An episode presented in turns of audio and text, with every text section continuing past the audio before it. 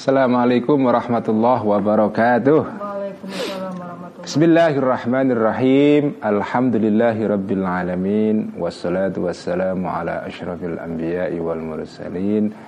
Sayyidina wa habibina wa maulana wa qurrati a'yunina Muhammadin wa ala alihi wa ashabihi wa man tabi'ahum bi ihsanin ila yaumiddin. Rabbi shrah li sadri yassir li amri wahlul 'uqdatam min lisani yafqahu qawli.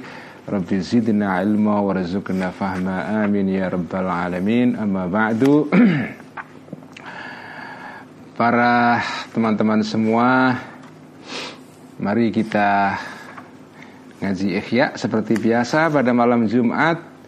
Dan malam ini kita akan masuk kepada bab baru tentang jebakan-jebakan dan godaan-godaan mulut manusia yaitu jebakan yang ke 11 ya. Al-afatul hadiyata asyarata as-sukhriyatu wal istihza'u Mari sebelum kita mulai ngaji ihya kita seperti biasa kita mulai dengan menghadiahkan Al-Fatihah.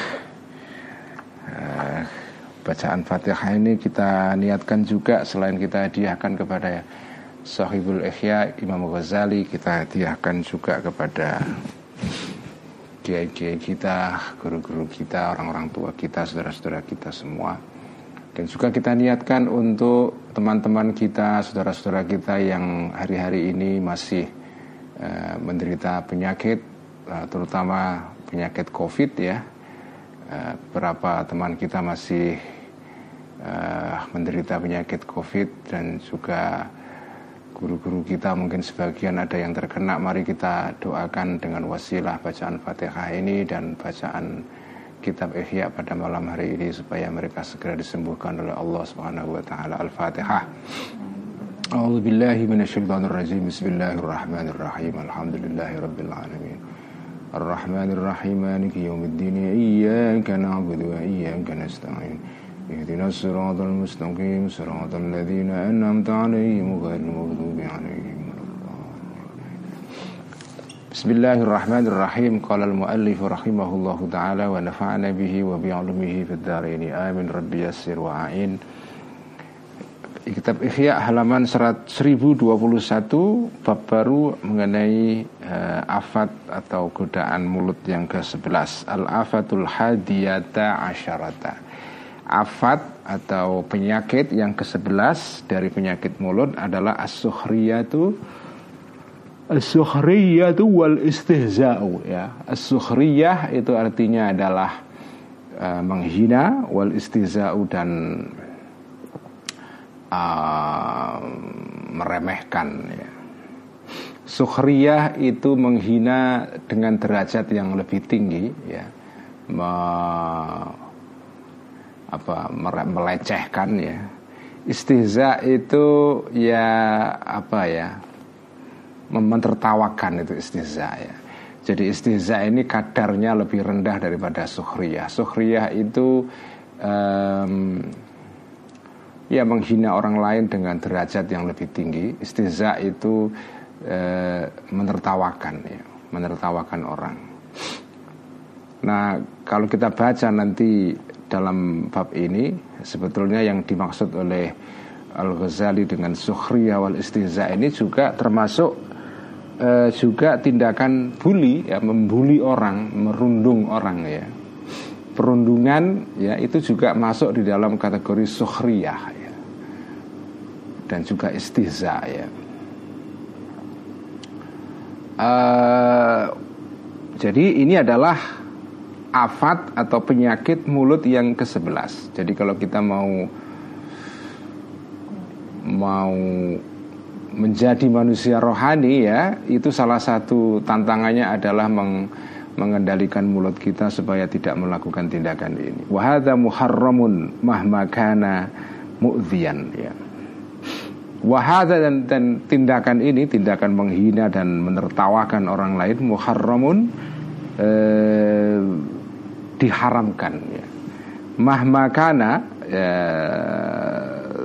selama ada tindakan ini atau ya ketika ada atau selama ada mah, eh, tindakan ini mu'dzian menyakiti orang lain atau dengan kata lain tindakan ini diharamkan karena menyakiti orang lain Kama qala sebagaimana berfirman Allah Ta'ala dalam surat Al-Hujurat yang terkenal sekali ini ayat ya. Ya ayyuhalladzina amanu la yaskhar qaumun. Wahai orang-orang beriman la yaskhar jangan menghina Kaumun suatu golongan Min dari golongan terhadap golongan lain.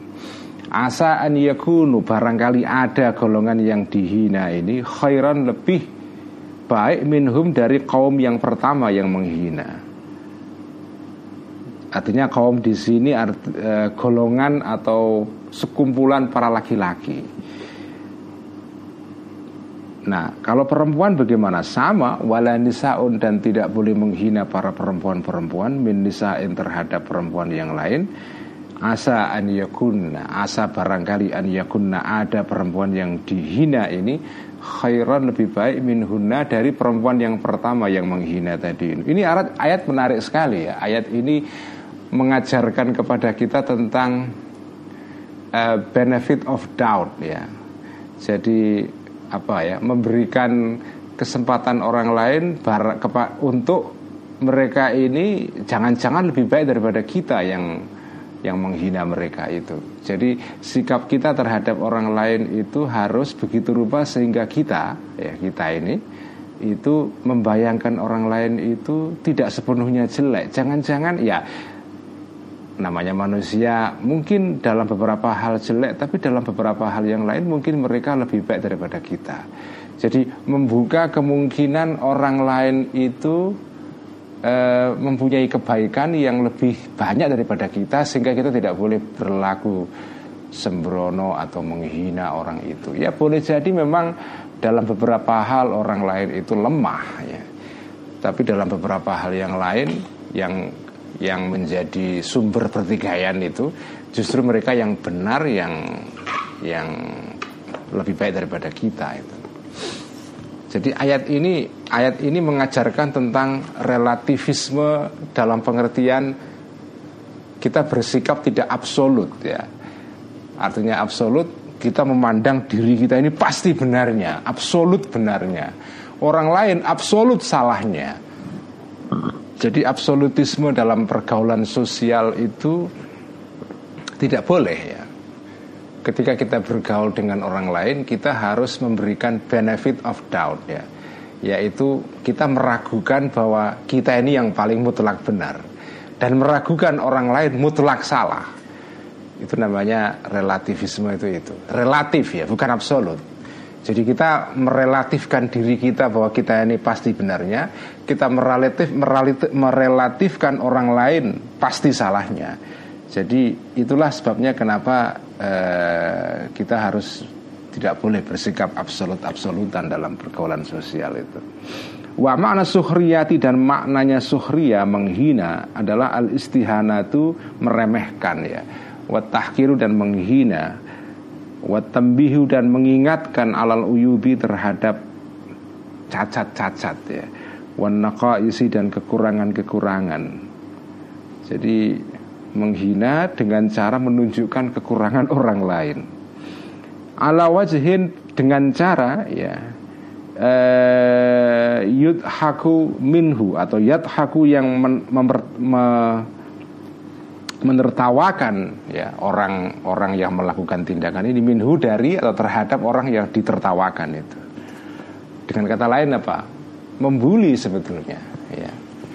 Jadi kamu menertawakan kekurangan orang lain. Itu namanya as-sukhriyah itu itu. Jadi definisi sukhriyah itu adalah al-istihanah wa ya, meremehkan dan merendahkan itu. Looking down ya, melihat orang lain dengan mata merendahkan.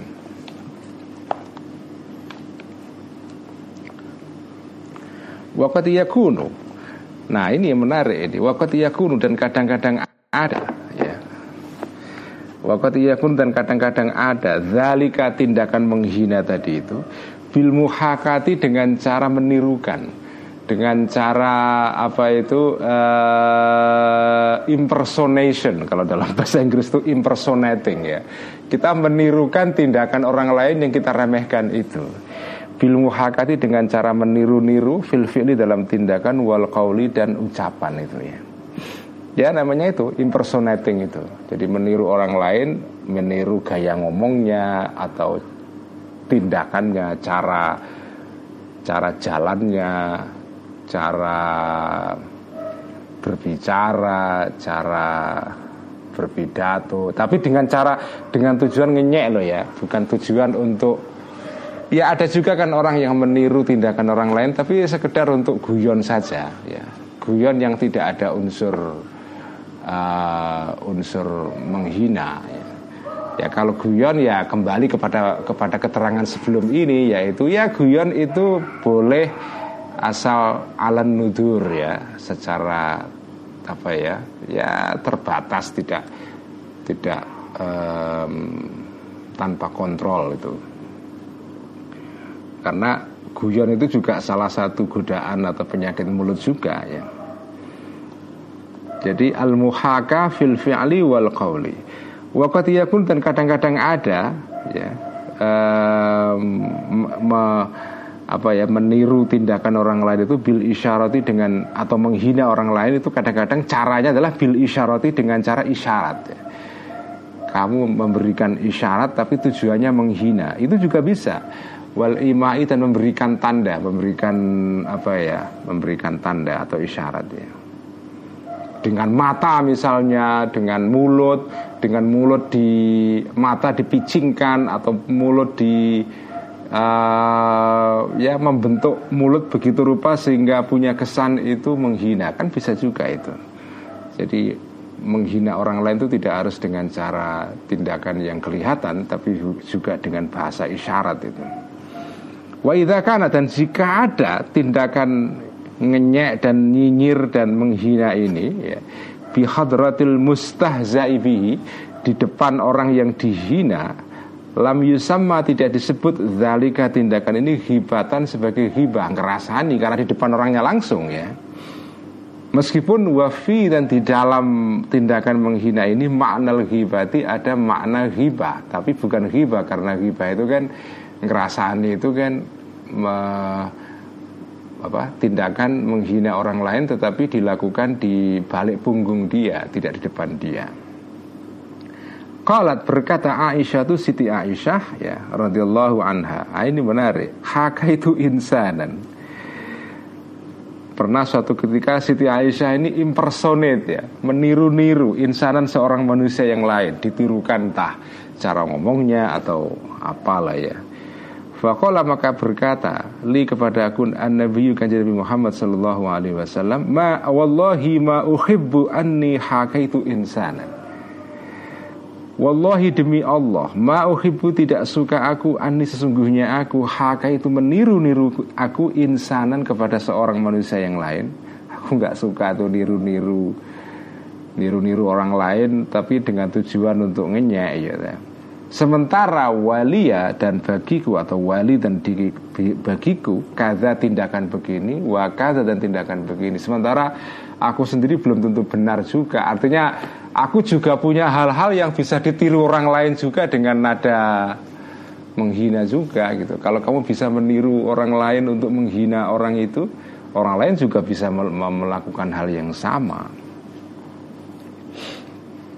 Jadi artinya apa ya? Kanjeng Nabi ini ya memang akhlaknya luar biasa sampai hal-hal kecil seperti ini kanjeng Nabi memberikan perhatian artinya meniru orang lain dengan tujuan menghina pun itu kan kalau dalam di dalam adat kebiasaan sosial kita itu kan dianggap biasa itu kan ya bahkan bahkan apa ya menirukan orang lain itu bisa jadi bahan komedi dan lelucon yang kadang-kadang uh, menyenangkan banyak orang meniru. Meniru gaya bicaranya. Donald Trump misalnya. Hari-hari ini lagi banyak itu acara-acara TV di Amerika yang apa yang salah satu bahan guyonannya meniru gaya bicaranya Presiden Amerika itu. Jadi meniru-niru itu termasuk kategorinya sukhriyah dan istiza itu ya.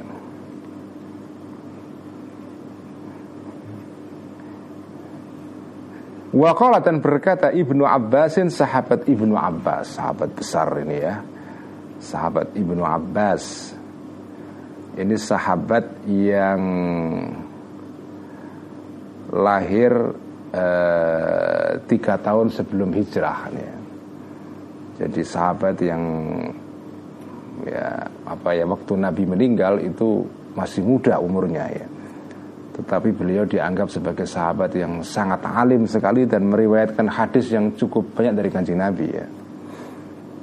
Wakal yang berkata Ibnu Abbasin sahabat Ibnu Abbas makamnya itu ada di uh, Taif ya, di Taif ya. Kalau sampean umroh sekarang sekarang nggak bisa umroh lagi ini karena gara-gara covid ini ya. Kalau nggak salah Indonesia sekarang di dilarang lagi jemaah Indonesia untuk umroh ini ya. Tapi sekarang kalau umroh itu bisa ke Taif Dulu nggak bisa karena visa umroh hanya berlaku untuk kota Makkah dan Madinah ya. Sekarang sudah bisa ke Taif itu. Nah sekarang kalau nanti suatu ketika bisa dibuka lagi dan punya kesempatan umroh nah, dengan layak itu pergi ke Taif itu. Taif ini kota di sebelah selatan kota Mekah ya, agak agak ke selatan dan agak naik ke atas ya. Ke lembah gitu. Jadi agak dingin ya. Nah di sanalah terletak eh, makamnya Sayyidina Abdullah bin Abbas ini. Ini sahabat besar sekali dianggap sebagai sahabat yang banyak meriwayatkan hadis terkait dengan tafsir kan, tafsir kanjeng Nabi terhadap Quran ya. Dan bahkan beliau juga diberikan kemampuan oleh Allah untuk menafsirkan Al-Quran ya. Jadi beliau ini termasuk sahabat yang ahli tafsir. Bahkan ada yang mengumpulkan eh, keterangan-keterangan atau pendapat-pendapat Sayyidina Ibnu Abbas dalam bidang tafsir ini Dan dikumpulkan jadi satu kitab ya Yaitu tafsir, eh, tafsir Ibnu Abbas. Ya.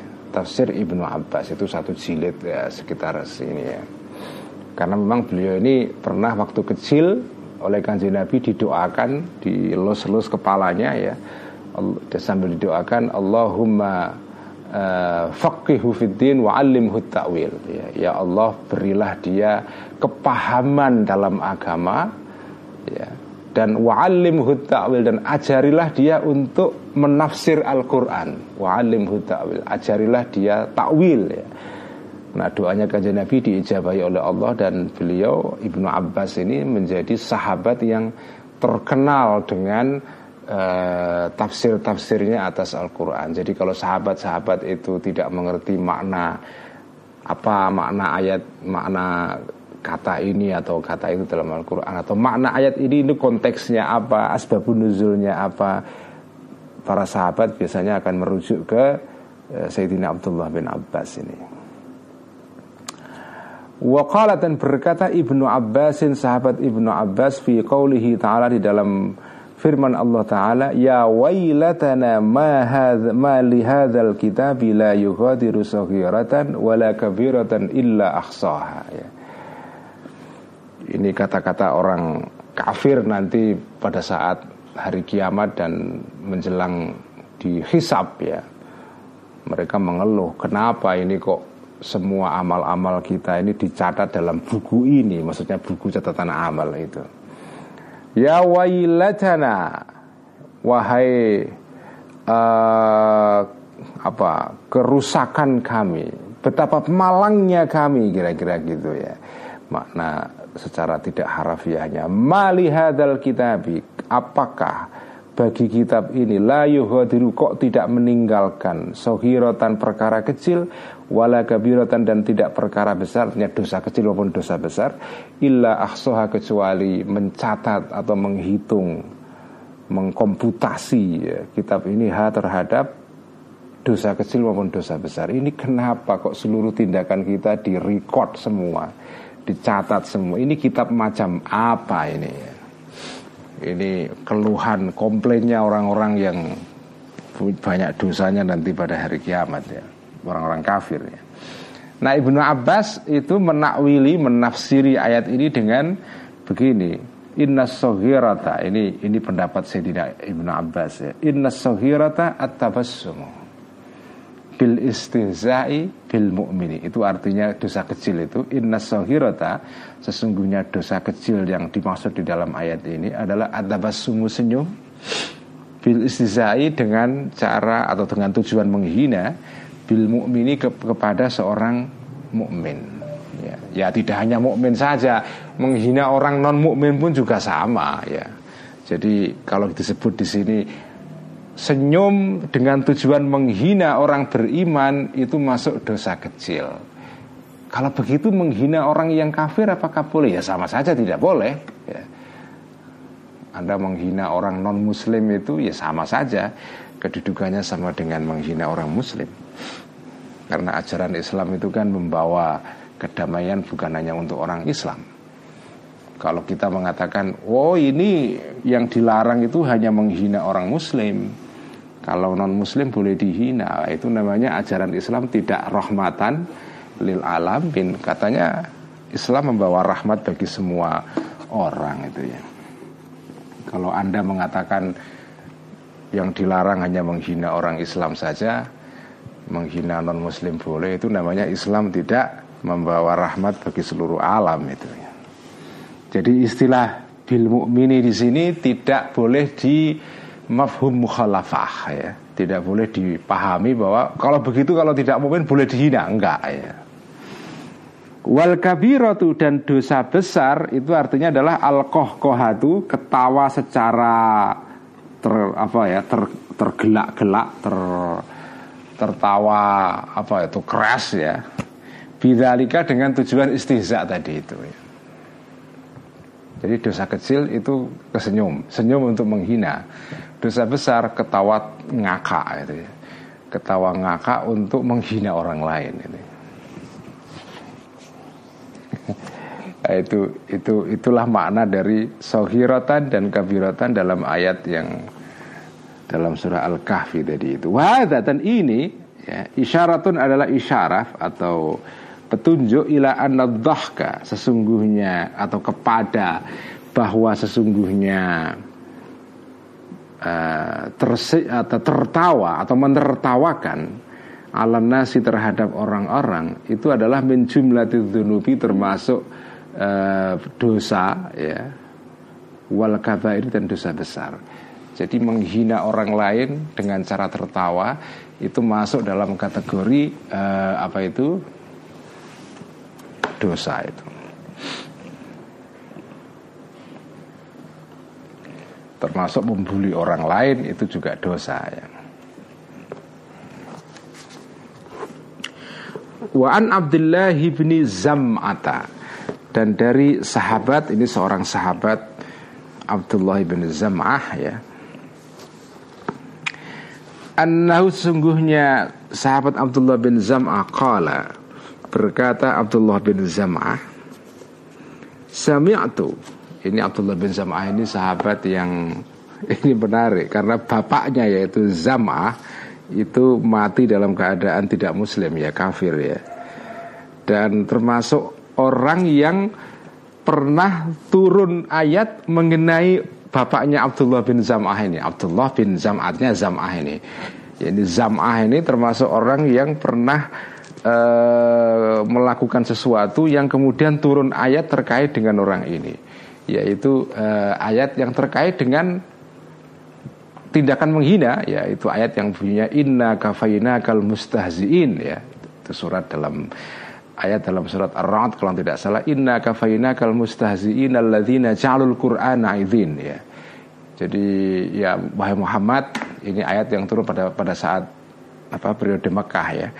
Wahai Muhammad kamu nggak usah khawatir ditertawakan orang-orang kafir Quraisy itu. Kamu nggak usah sedih, nggak usah kecil hati ya. Allah akan melindungi kamu. Inna kafaina kal mustahzina.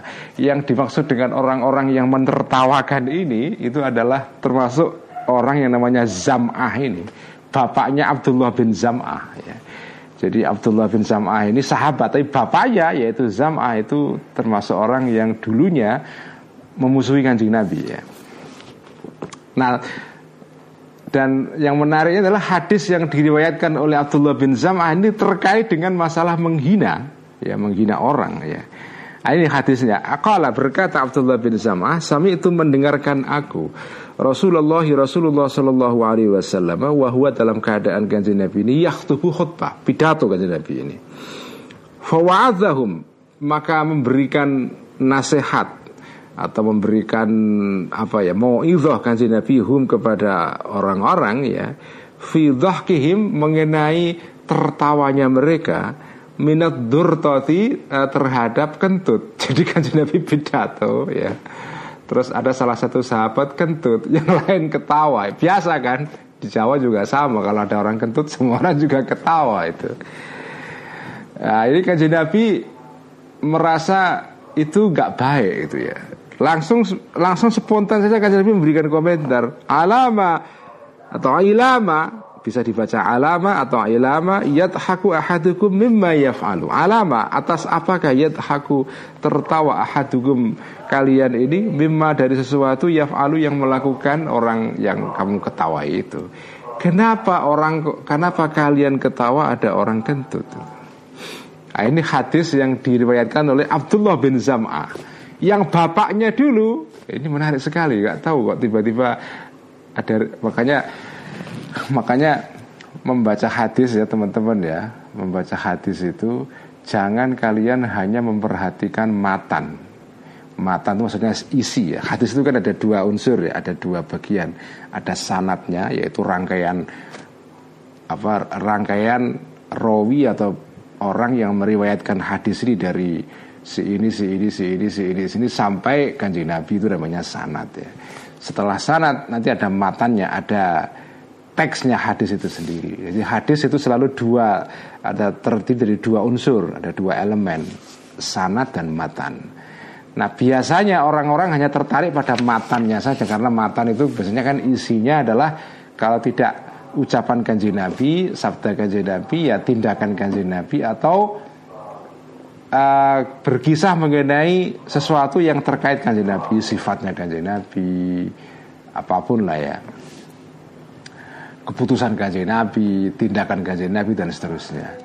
Itu matan. Umumnya orang kalau membaca hadis itu hanya tertarik menelaah membaca matannya karena matan itu isinya ya. Tetapi sanatnya banyak orang yang tidak tertarik karena isinya hanya nama-nama saja. Nah, kalau orang yang studi hadis ya, itu biasanya justru yang menarik itu matanya tentu saja menarik karena itu itu adalah sabda gaji Nabi. Tetapi yang tidak kalah menarik juga sanatnya.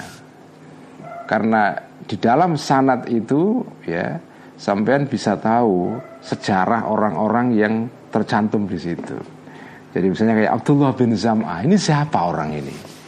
Jadi orang yang yang menggeluti hadis itu biasanya akan meneliti ini ar-rijal ini. Makanya disebut dengan ilmu rijal atau ilmu ma'rifatir rijal. Ilmu tentang uh, pengetahuan mengenai orang-orang para rawi-rawi yang menceritakan hadis itu. Dan ada banyak kitab-kitab yang terkait khusus membahas tentang orang-orang yang menjadi perawi hadis ini ya misalnya kitabnya Ibnu Hajar al Asqalani uh, apa itu?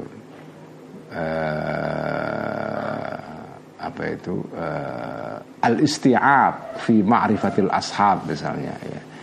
Atau usudul ghabah fi ma'rifatil sahabah dan seterusnya. Jadi ada banyak kitab-kitab yang ditulis oleh para ulama mengenai rawi-rawi hadis ini ya Ya kadang-kadang rawi itu nggak menarik karena tidak ada kisah hidup yang spesial. Tapi kadang-kadang nama-nama yang tercantum di dalam sanad itu itu memuat cerita yang banyak sekali.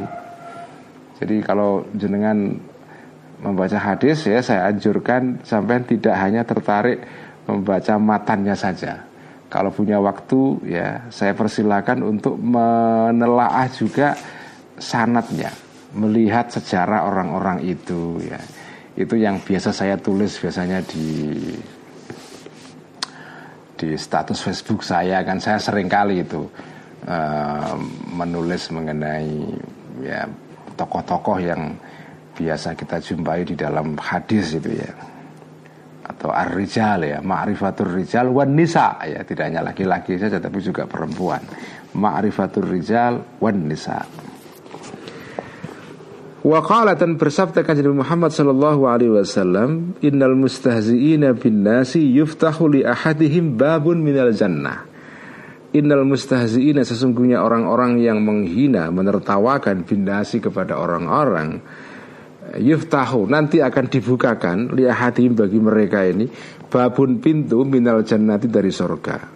Orang ini nanti kalau masuk surga dibukakan pintunya.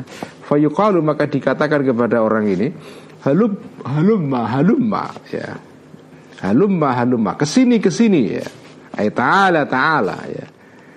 Fayaji'u maka datanglah orang ini bikarbihi dengan kesedihannya dengan kegalauannya orang tadi itu.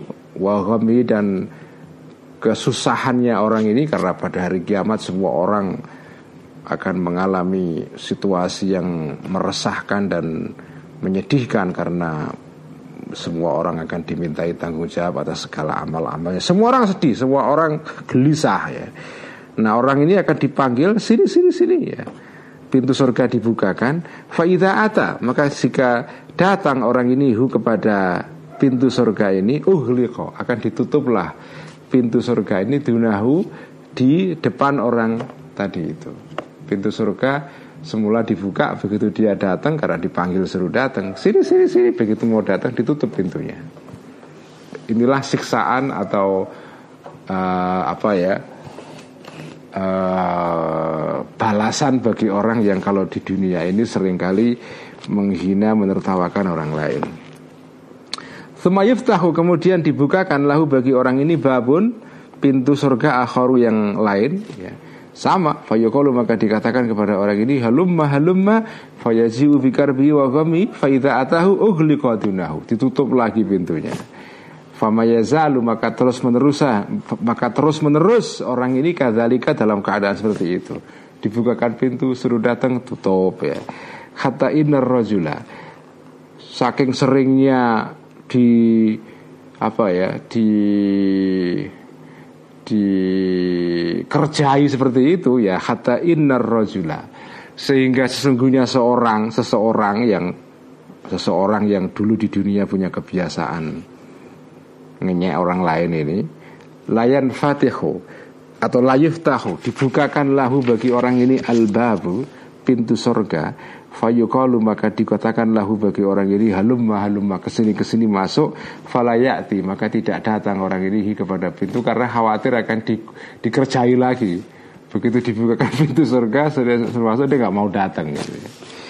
Nah, inilah inilah punishment atau hukuman bagi orang yang di dunia kerjaannya adalah menghina orang lain ya. Waqala dan berkata Mu'adz bin Jabalin. Sahabat Mu'adz bin Jabal ini Sahabat besar sekali yang pernah diutus kanjeng Nabi ke Yaman Untuk menjadi semacam gubernur di sana ya. Ngajari orang-orang muslim di Yaman uh, Tentang ajaran Islam ya. Waqala dan berkata Mu'adz bin Jabalin dan sahabat Mu'adz bin Jabal. Hadisnya mengenai apa ya mengenai bagaimana cara seorang kodi atau penguasa eh, memutuskan perkara kalau dihadapkan kepada suatu perkara itu bagaimana cara memutuskannya? Itu itu hadisnya terkenal. Hadisnya sahabat Muadz bin Jabal yang ini itu selalu dikutip dalam kitab tentang usul fikih ya selalu itu. Terutama dalam bab mengenai istihad ya jadi sahabat sahabat Mu'ad itu ditanya oleh kanjeng Nabi, "Wahai Mu'ad, kamu nanti kan saya suruh ke Yaman itu jadi gubernur di sana. Nanti kalau kamu didatangi orang, di, dimintai uh, apa ditanya untuk memutuskan suatu perkara, bagaimana kamu cara memutuskan perkara itu?" Mu'ad mengatakan, "Ya saya akan cari cari jawaban di Quran. Kalau ada ya saya akan akan apa itu akan saya putuskan sesuai dengan yang di Quran itu. Terus kanjeng Nabi nanya, kalau di Quran nggak ada terus gimana? Ya saya akan mencari eh, sumber-sumber uh, dari apa itu dari teladan jenengan kanjeng Nabi. Kalau ada ya saya akan memutuskan sesuai dengan teladan jenengan dengan sunnah atau hadis jenengan. Kalau nggak ada di Quran di hadis bagaimana? Lalu sahabat Muaz mengatakan akudi atau uh, atau itu akudi roi. Saya akan memutuskan berdasarkan pandangan atau pendapat saya. Di Quran nggak ada, di hadis nggak ada ya saya akan cari uh, sesuai dengan pandangan saya. Kanjeng Nabi senang dengan jawaban sahabat Mu'adz ini dan kemudian Nabi mengatakan alhamdulillahilladzi waffaqa rasulah rasulillah ya. Puji bagi Allah karena sudah memberikan uh, pengetahuan yang keren ini ya kepada utusannya, utusan Allah yaitu Mu'adz bin Jabal ini. Itu hadis yang terkenal sekali itu. Nah ini ini hadis sahabat Mu'adz Beliau berkata, "Qala berkata Nabi Kanjeng Muhammad sallallahu alaihi wasallam, "Man ayyara akhahu bidzambin." Man barang siapa ayyara yang menghina orang ini akhahu kepada temannya orang ini, teman dia, bidzambin karena suatu dosa, kotaba yang sudah tobat tem, uh, temannya ini minhu dari dosa ini. Orang sudah tobat tapi masih masih dihina terus diinyek terus dibully karena kesalahan di masa lampau. Padahal sudah orang ini sudah tobat sudah nggak melakukan tindakan itu dinyek terus itu maka fayuqalu. Eh lam yamut maka tidak akan mati orang yang suka menghina saudaranya ini. Hatta ya'mala sehingga melakukan orang ini hu kepada tindakan yang dilakukan oleh temennya ini padahal dia sudah tobat itu ya. Wa kullu hada dan semuanya ini yarji'u kembali. Pokoknya intinya soal nyinyi dan ngenya ini adalah kembalinya adalah ilastihqaril ghairi. Ya, intinya adalah yang dilarang di sini adalah kembalinya atau dasarnya itu adalah ilastihqaril ghairi kepada menghina orang lain wadhahki dan mempertanya menertawakan alaihi kepada al ghair cuma ketawanya ini bukan ketawa karena senang tapi istihanatan karena menghina bihi terhadap orang lain ini wastisghara dan mengecilkan mengunderestimate ya lahu kepada al ghair ini. Wa dan dan terhadap pengertian seperti ini pemahaman seperti ini nabbaha memberikan uh, peringatan atau mengingatkan qauluhu firmannya Allah taala dalam surat Al-Hujurat tadi ini tadi itu asa an yakunu khairan minhum. Inilah makna ayat tadi itu adalah artinya ketawa jadi uh, layas hor tadi itu kan jangan menghina orang lain. Jangan-jangan orang-orang yang kalian hina itu lebih baik daripada kalian. Maksudnya apa menghina di sini? Maksudnya adalah adohku Menertawakan orang lain dengan tujuan menghina itu. Ayat tastahkir. Maksudnya ayat tadi itu adalah la tastahkir. Jangan menghina engkau hu kepada al-ghair ya kepada orang lain tadi itu istisgharan dengan tujuan mengecilkan fala'allahu maka jangan-jangan orang ini khairun lebih baik mingka daripada engkau. Inilah yang dimaksud dengan la yashar qaumun min qaumin asa an yakunu khairan minhum wala nisaun min nisa'in asa an yakunna khairan minhun wala talmizu anfusakum wala tanabazu bil alqab. Itu ayat dalam surat Al-Hujurat itu penting sekali karena memuat banyak ajaran mengenai etika sosial ya. Terutama etika dalam pergaulan masyarakat dan saya kira sangat relevan dengan keadaan saat ini. Ini teman-teman, saya ngaji malam ini, ini ini saya kepengen mention orang yang mengirim mengirim peci atau peci goni ini ya. ini kiriman dari Mas Gofir ya. Mas Abdul Gofir dari Purbalingga yang membuat kaos santri online dulu itu. Nah dia sekarang memproduksi apa peci Goni yang keren ini. Saya suka peci ini Mas Gofir. Terima kasih Mas Gofir ya sudah ngirim peci ini baru nyampe kemarin langsung saya pakai malam ini. Saya suka baunya. Baunya bau kretek ini. Bau rokok kudus ini. Saya suka sekali baunya ini ya. Jadi bau kretek ini ini spesial, nggak tahu kok bisa padahal ini goni kok bisa bau kretek ini apakah di dikungkum atau di apa di uh, dicampur dengan tembakau atau bagaimana saya nggak tapi baunya saya suka bau kretek ini ya.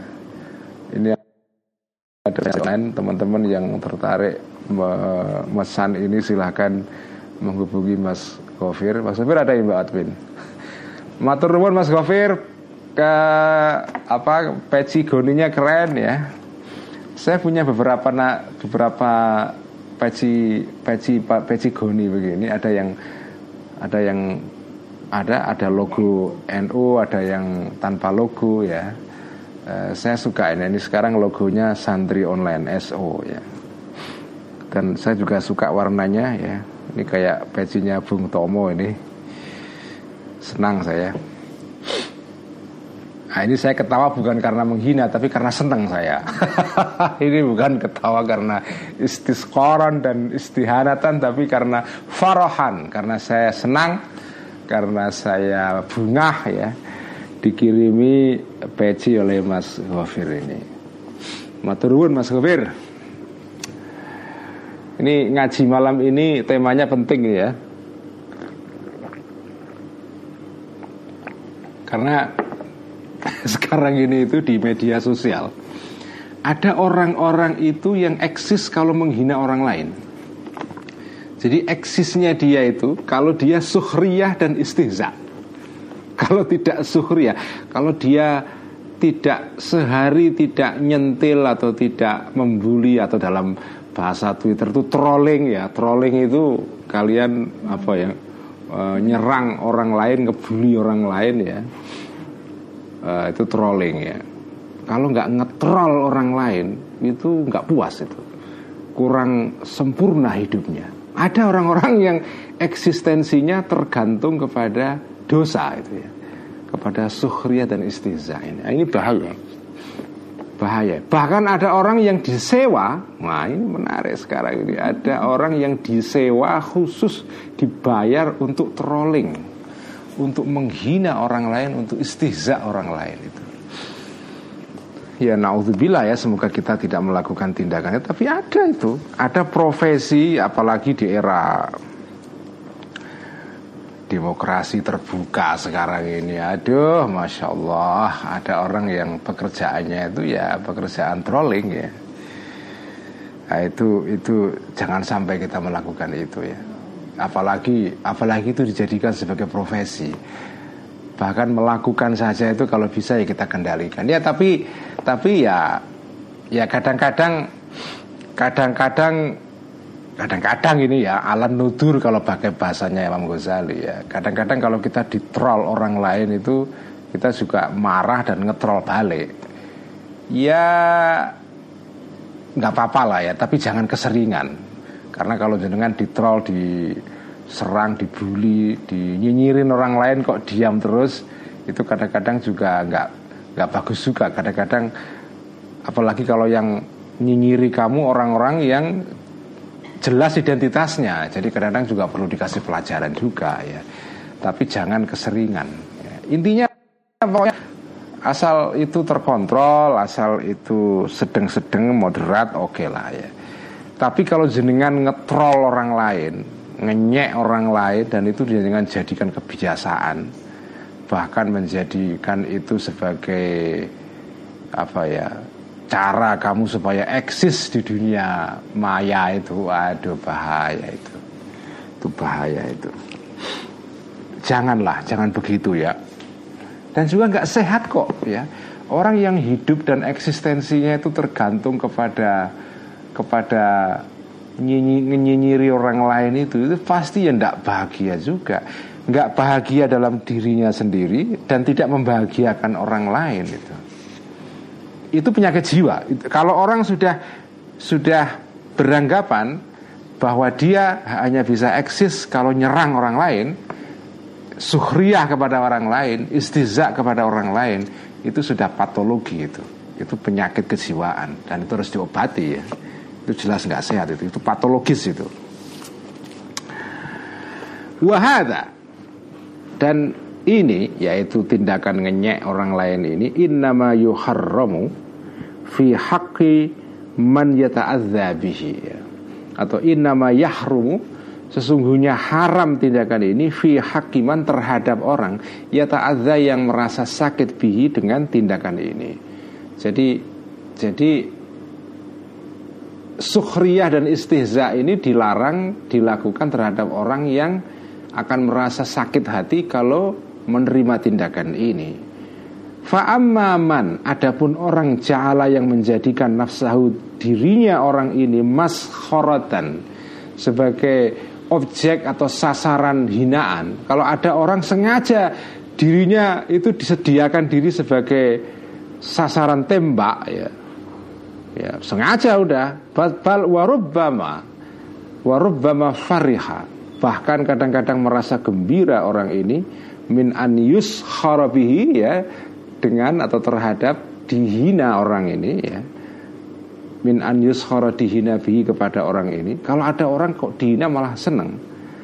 Maka kanat ada as-sukhriyatu hinaan fi haki terhadap orang ini min jumlatil mizahi termasuk golongan guyon itu.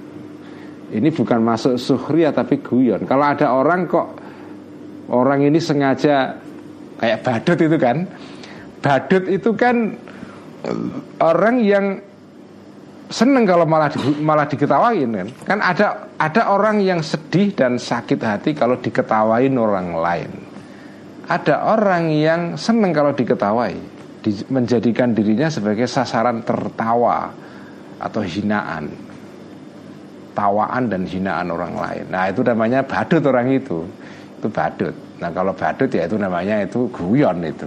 Nah kalau sudah masalah guyon ya itu kembalinya kepada pembahasan sebelumnya ini ya.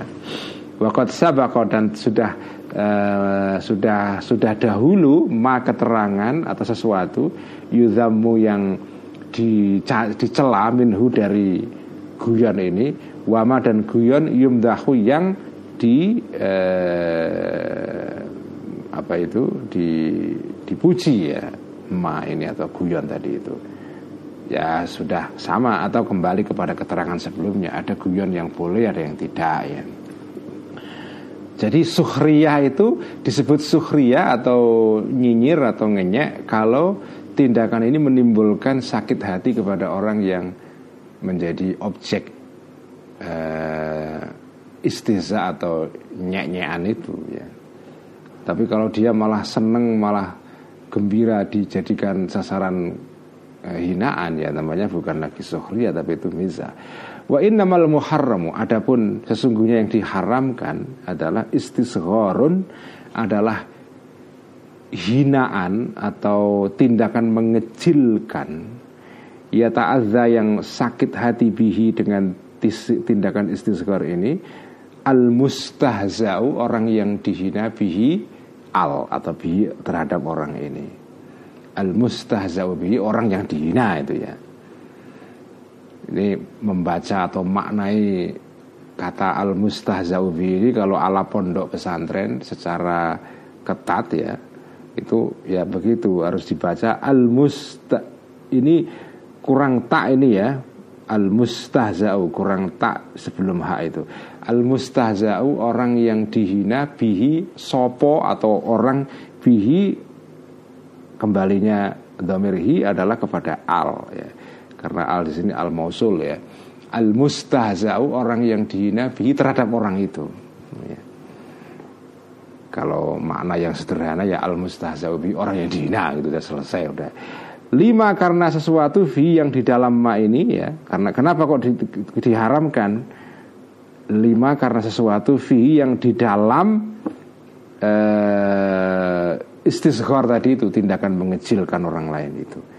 Yaitu apa? Minat tahkiri berupa menghina watahawuni dan meremehkan. Kenapa kok tidak boleh mengecilkan orang lain itu dilarang dan dianggap dosa karena itu ada unsur tahkir, ada unsur melecehkan dan tahawun dan e, meremehkan itu. Nah ini meremehkan itu ya nggak boleh ya. Meremehkan orang lain itu ya memang nggak boleh ya. Karena kalau kembali kepada ajaran Quran yang selalu ditekankan oleh Kiai Mustafa Bisri alias Gusmus dalam semua ceramah-ceramahnya. Ya, Gusmus itu kan ke mana-mana kalau ceramah selalu isinya tema pokoknya dan ini saya suka sekali itu tentang memanusiakan manusia itu. Karena manusia itu terhormat di mata Allah itu. Dihormati oleh Allah dan Allah meminta para malaikat menghormati manusia ini. Nah, meremehkan orang itu tidak sesuai dengan konsep tentang menghormati manusia itu. Siapa pun orang itu itu harus diwongke.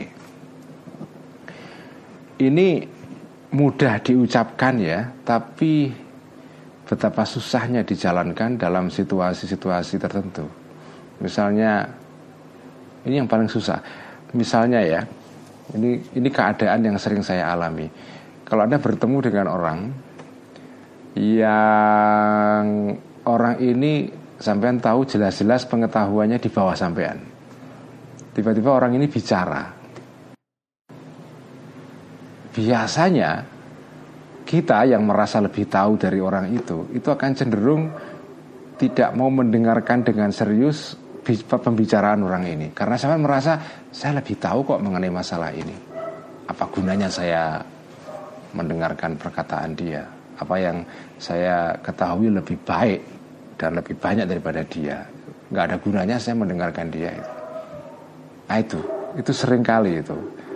Itu itu itu sering kali dihadapi atau dialami oleh orang-orang yang kebetulan diberikan Allah apa ya diberkahi Allah dengan ilmu yang banyak informasi yang banyak nah, itu biasanya kalau bertemu dengan orang lain yang pengetahuannya dia rasa lebih rendah ngomong. Kita nggak sabar tuh mendengarkan omongan dia itu.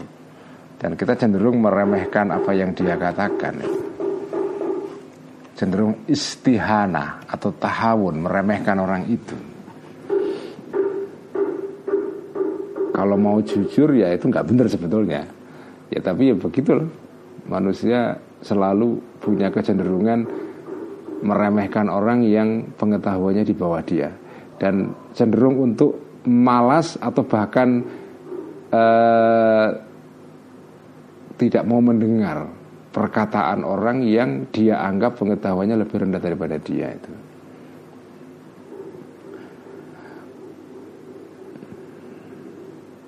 Wadhalika dan istisghar tadi itu mengecilkan tadi itu taratan kadang-kadang caranya adalah bian yud haka atau bian yad haka uh, dengan cara tertawa orang ini ala kalamihi atau menertawakan orang orang seseorang ala kalamihi terhadap pembicaraan yang ditawakan.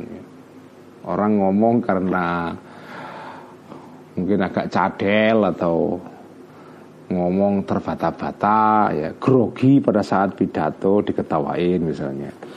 Idza takhabbato ketika grogi atau kacau balau di dalam omongan ini, oh, di dalam omongannya orang ini. Ya, omongannya ngawur misalnya terus diketawain ya. Walam yantazim dan tidak urut, tidak sistematis ya omongannya orang ini. Jadi menertawakan omongan orang. Aw ala af'alihi atau menertawakan terhadap tindakan-tindakan orang ini. karena jika ada tindakan itu musyawisatan menimbulkan kebingungan atau menimbulkan ya kebingungan ya misalnya atau menimbulkan eh, apalah ya eh, situasi yang galau ya. Misalnya kaddohki ini diberikan contoh konkret oleh Al Ghazali ini seperti menertawakan ala khoti terhadap tulisannya orang itu tulisannya jelek kayak sakar ayam gitu diketawain itu ya. Nah ini kejadian paling paling sering kalau di sekolah ini pasti ya orang yang ada teman satu kelas yang tulisannya jelek diketawain gitu ya. Wa ala sonati dan terhadap uh, apa ya terhadap tindakan orang itu ya. Punya perilaku yang unik misalnya diketawain jalannya agak pincang atau semacam lah. Awala surati atau atas gambarnya atau wujud fisiknya orang wakil koti dan ciptaan fisiknya orang itu bentuk fisiknya cacat misalnya diketawain dibully ya Idza karena jika ada orang ini kosiron pendek ya au naqisan atau kurang li'aibin karena suatu cacat minal uyubi dari cacat-cacat. Jadi bab mengenai ini bab bab ini yang kita baca malam ini ini kira-kira eh, bab dalam ihya yang berkaitan dengan masalah perundungan, masalah bully ya. Jadi nggak boleh itu. Nah selama ini yang menarik ini ini menariknya adalah kitab Ihya ini membahas sesuatu yang oleh banyak orang itu dianggap bukan sesuatu yang serius ya. Bagi saya menariknya adalah bahwa kitab Ihya itu membahas suatu tindakan yang dalam standar umum orang dianggap nggak masalah lah. Namanya anak-anak ngebully sesama temannya itu kan biasa. Itu bagian dari apa ya shit happen kalau bahasa Inggrisnya itu ya. Apa? Ya namanya hidup pasti ada gitu-gitunya lah ya. Nah, itu. Tetapi tetapi kalau kita bicara mengenai soal apa ya uh, soal bagaimana kita bertindak yang benar sebagai manusia itu ya menjadi manusia rohani bukan manusia yang jasmani saja kalau kalau menjadi manusia jasmani mudah yang berat itu menjadi manusia rohani karena salah satu ciri atau tanda-tanda kerohanian itu adalah halus, kehalusan, ya. keadaban. Jadi ciri-ciri kerohanian manusia adalah kehalusan karena rohani itu dikata roh ya, roh itu halus, jasad itu kasar. Jasad manusia itu kan kasar karena kasar bisa disentuh kan. Roh manusia itu halus karena itu di dalam kitab Ihya yang jilid ini di bagian pertama dulu yang kita baca. Ini kitab sampai jebol ini. Kitab yang saya yang kita baca tiga tahun yang lalu Imam Ghazali itu mendefinisikan hati manusia itu atau roh manusia itu sebagai latifatun sesuatu yang halus tubuh halus dalam diri manusia karena itu ciri kerohanian manusia adalah kehalusan. Ngenyek orang itu bukan tindakan yang halus itu, bukan tindakan yang beradab. Jadi ciri manusia rohani adalah manusia yang beradab pada dasarnya.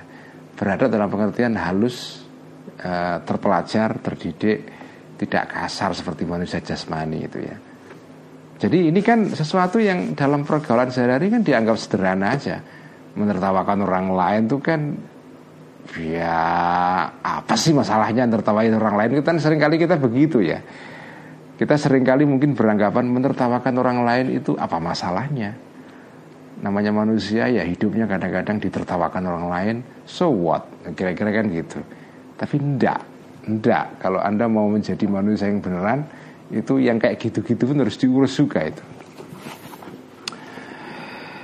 Fadahku maka menertawakan orang lain minjami idalika karena alasan-alasan tadi itu dahilun masuk fisuhriyati di dalam kategori suhriyah ya.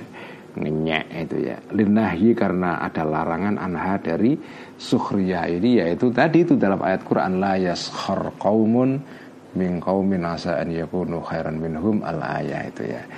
Sekian ngaji malam ini. Kita ya dapat satu bab cukup lah ya. Nanti kita akan teruskan minggu depan dengan eh, penyakit mulut yang ke-12 yaitu ifsya'us sirri, menyebarkan rahasia orang. Hmm, ini juga masalah yang sering kita alami di dalam dunia medsos saat ini. Ini pokoknya bagian-bagian ikhya yang kita baca minggu-minggu ini ini sangat relevan dengan situasi eh, era digital saat ini ya.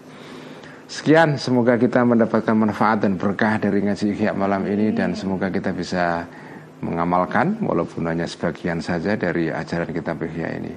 Mari kita tutup ngaji kita malam ini dengan membaca salawat tibbil qulub. اللهم صل على سيدنا محمد طب القلوب ودوائها وعافية الأبدان وشفائها ونور الأبصار وضيائها وعلى آله وصحبه وسلم. اللهم صلِّ على سيدنا محمد طب القلوب. ودوائها وعافية الأبدان وشفائها ونور الأبصار وضيائها وعلى آله وصحبه وسلم.